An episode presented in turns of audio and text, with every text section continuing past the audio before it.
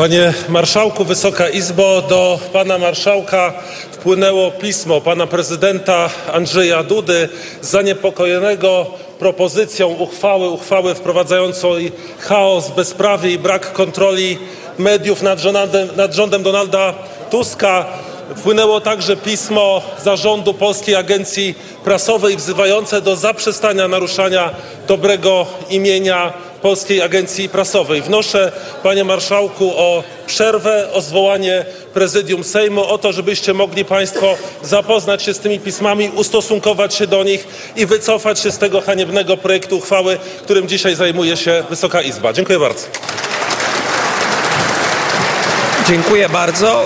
Y, Wniosek o przerwę za chwilę zostanie przegłosowany, natomiast y, dla Pana informacji, y, Panie Pośle, wszyscy z nas już chyba y, zapoznali się z pismem Pana Prezydenta.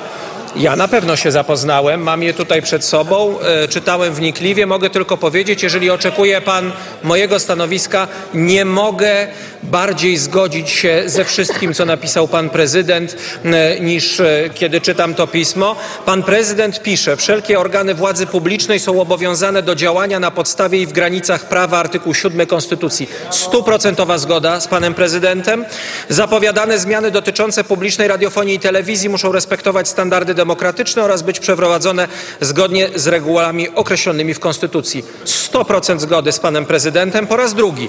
Panie pośle, e, nie mam co do tego żadnych wątpliwości, że Pan Prezydent wzywając wszystkich, którzy mogą mieć wpływ na proces decyzyjny do przestrzegania prawa, wypełnia swoją misję i też, że wszyscy, ja głęboko wierzę w ludzi i w ich dobre intencje, e, wszyscy, którzy będą się tym tematem zajmowali, będą działali w granicach prawa i konstytucji, bo w przeciwnym razie byliby politycznymi samobójcami. E, w, czy to stanowisko satysfakcjonuje pana posła, czy... Ale naprawdę bardzo krótkie, bo nie znajduję trybu dla, takiego, dla takiej rozmowy.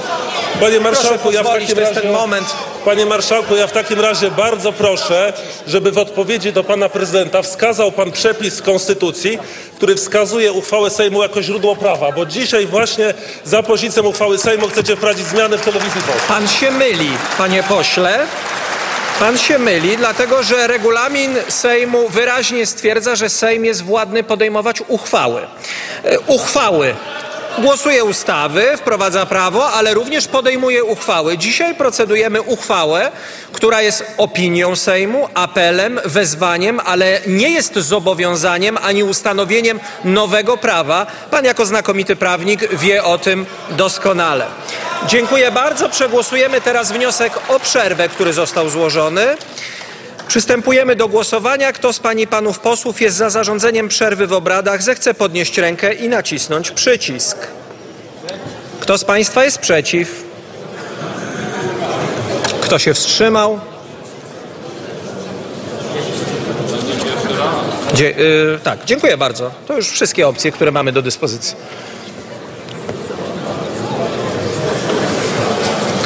Bardzo się cieszę, że system ma aktualizację dla mnie, tylko pytanie, czy musimy mieć ją w tej chwili. Głosowało 437 posłów, za było 177, przeciw 244, wstrzymało się 16 posłów. Stwierdzam, że Sejm wniosek odrzucił.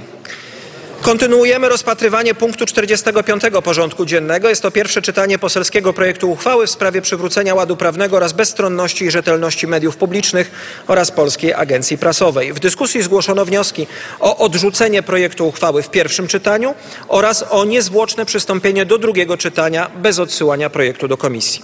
Wniosek o odrzucenie projektu uchwały jako dalej idący poddam pod głosowanie w pierwszej kolejności.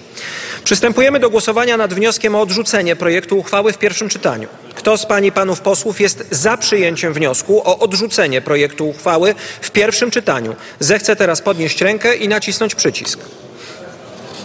Kto z państwa jest przeciw? Kto się wstrzymał?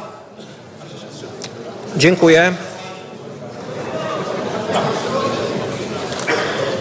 Głosowało 439 posłów za, 177 przeciw, 246. Wstrzymało się 16 posłów. Stwierdzam, że Sejm wniosek odrzucił.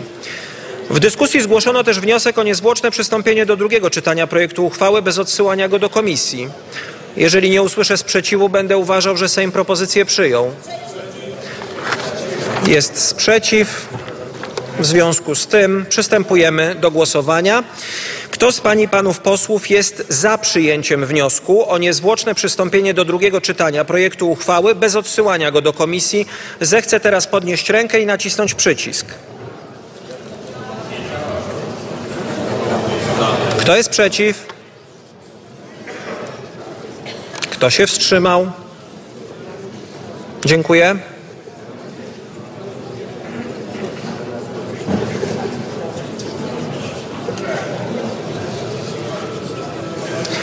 Głosowało 439 posłów, za było 246, przeciw 193, nikt się nie wstrzymał. Stwierdzam, że Sejm wniosek przyjął. Przystępujemy więc do drugiego czytania. Czy ktoś z Pań i Panów posłów chce zabrać głos w drugim czytaniu projektu uchwały? Są chętni, a więc otwieram dyskusję. Proponuję, aby Sejm w dyskusji wysłuchał pięciominutowych oświadczeń w imieniu klubów i trzyminutowych oświadczeń w imieniu koła.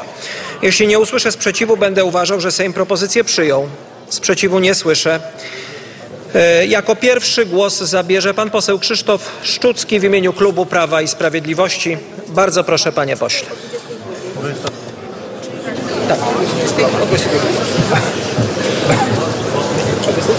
Panie Marszałku, Wysoka Izbo, ta uchwała, która jest przedmiotem pracy Wysokiej Izby, powinna nosić nazwę w sprawie wprowadzenia bezprawia, chaosu i całkowitego braku kontroli medialnej nad działaniami rządu Donalda Tuska.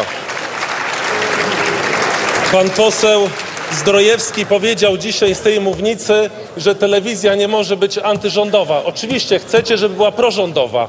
Chcecie, żeby telewizja publiczna i TVN różniły się tylko znaczkiem, który wyświetla się w górnej części ekranu, a prezentowały dokładnie tę samą treść. Przypomnijmy sobie sytuację medialną przed 2015 rokiem, kiedy media główne jednoznacznie wspierały ówczesnych rządzących tworzyły jednolity front medialny wsparcia Platformy Obywatelskiej i jej sojuszników. Tych, którzy nie chcieli włączać się do tego jednolitego frontu, takich jak redakcja tygodnika wprost spotykały prześladowania, spotykało wyrywanie laptopa. Tych wszystkich, którzy nie chcieli śpiewać 100 lat panu Donaldowi Tuskowi, spotykała jednoznaczna reakcja, jednoznaczna krytyka i jednoznaczne prześladowanie ze strony rządu Platformy Obywatelskiej. Działania, które podjęliśmy w 2016 roku po- spowodowały przywrócenie pluralizmu Bardzo chętnie. Bardzo medialnego. Państwa proszę o ciszę, dobrze? Y, Wysłuchajmy się w spokoju. Bardzo proszę o ciszę. Panie pośle, bardzo proszę. Działania, które podjęliśmy w 2015 i 2016 roku przyczyniły się do powrotu pluralizmu medialnego na polski rynek medialny, przy czym oczywiście całkowicie nie zlikwidowały i tak poważnej przewagi medialnej Platformy Obywatelskiej. To jest zaskakujące, kiedy próbujecie powoływać się na artykuł 54 Konstytucji, na Europejską Konwencję Praw Człowieka, a jednocześnie z pomocą tej uchwały, bezprawnej uchwały, stanowiącej nie źródło prawa, ale źródło bezprawia, spróbujecie przeprowadzić zamach na media publiczne. Jak można mieć w tym, tym samym czasie na ustach wolność słowa, demokrację, pluralizm, a jednocześnie próbować ten pluralizm konsekwentnie likwidować, konsekwentnie niszczyć? Nie ma demokracji bez pluralizmu medialnego. Nie ma demokracji bez wolności wymiany informacji. Nie ma pluralizmu i demokracji bez swobody wyboru programu telewizyjnego, niekoniecznie takiego, jakiego życzyłby sobie w treści pan premier Donald Tusk. Przypominam Państwu, że poza artykułem 54 Konstytucji i innymi, które wymieniacie, chociaż zupełnie mijacie się ich celem i treścią, w Konstytucji znajduje się artykuł 7. Organy państwa mają działać w granicach i na podstawie prawa w jakich granicach i na podstawie jakiego prawa ma być przyjęta ta uchwała, która wzywa Skarb Państwa, która wzywa ministra kultury i dziedzictwa narodowego do działań jednoznacznie sprzecznych z prawem, jednoznacznie bezprawnych. Twierdzicie, że Rada Mediów Narodowych jest niezgodna z konstytucją. Kiedy ustawa o Radzie Mediów Narodowych była przedmiotem Trybunału Konstytucyjnego, badania przez Trybunał Konstytucyjny. Bardzo proszę o wskazanie daty orzeczenia i sygnatury.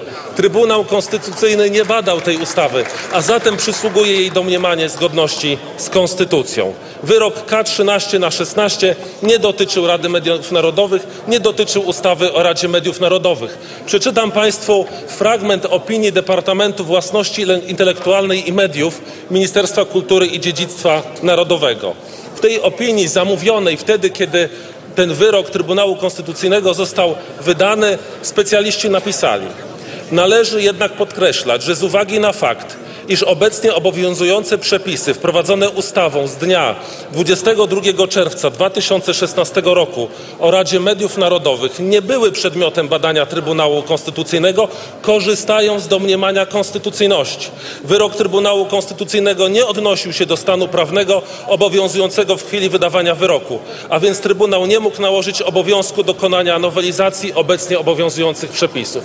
Zresztą, jeżeli to było ciało niezgodne z konstytucją, to dlaczego w Radzie Mediów Narodowych znajdowali się i znajdują się wasi przedstawiciele? Czyżby obecność ich uzdrawiała konstytucyjność Rady Mediów Narodowych? Szanowni Państwo, Klub Parlamentarny Prawo i Sprawiedliwość jednoznacznie sprzeciwia się łamaniu prawa, bezprawności, które ma źródło w tej uchwale i wnosi o odrzucenie jej w całości. Dziękuję bardzo. Dziękuję panie pośle.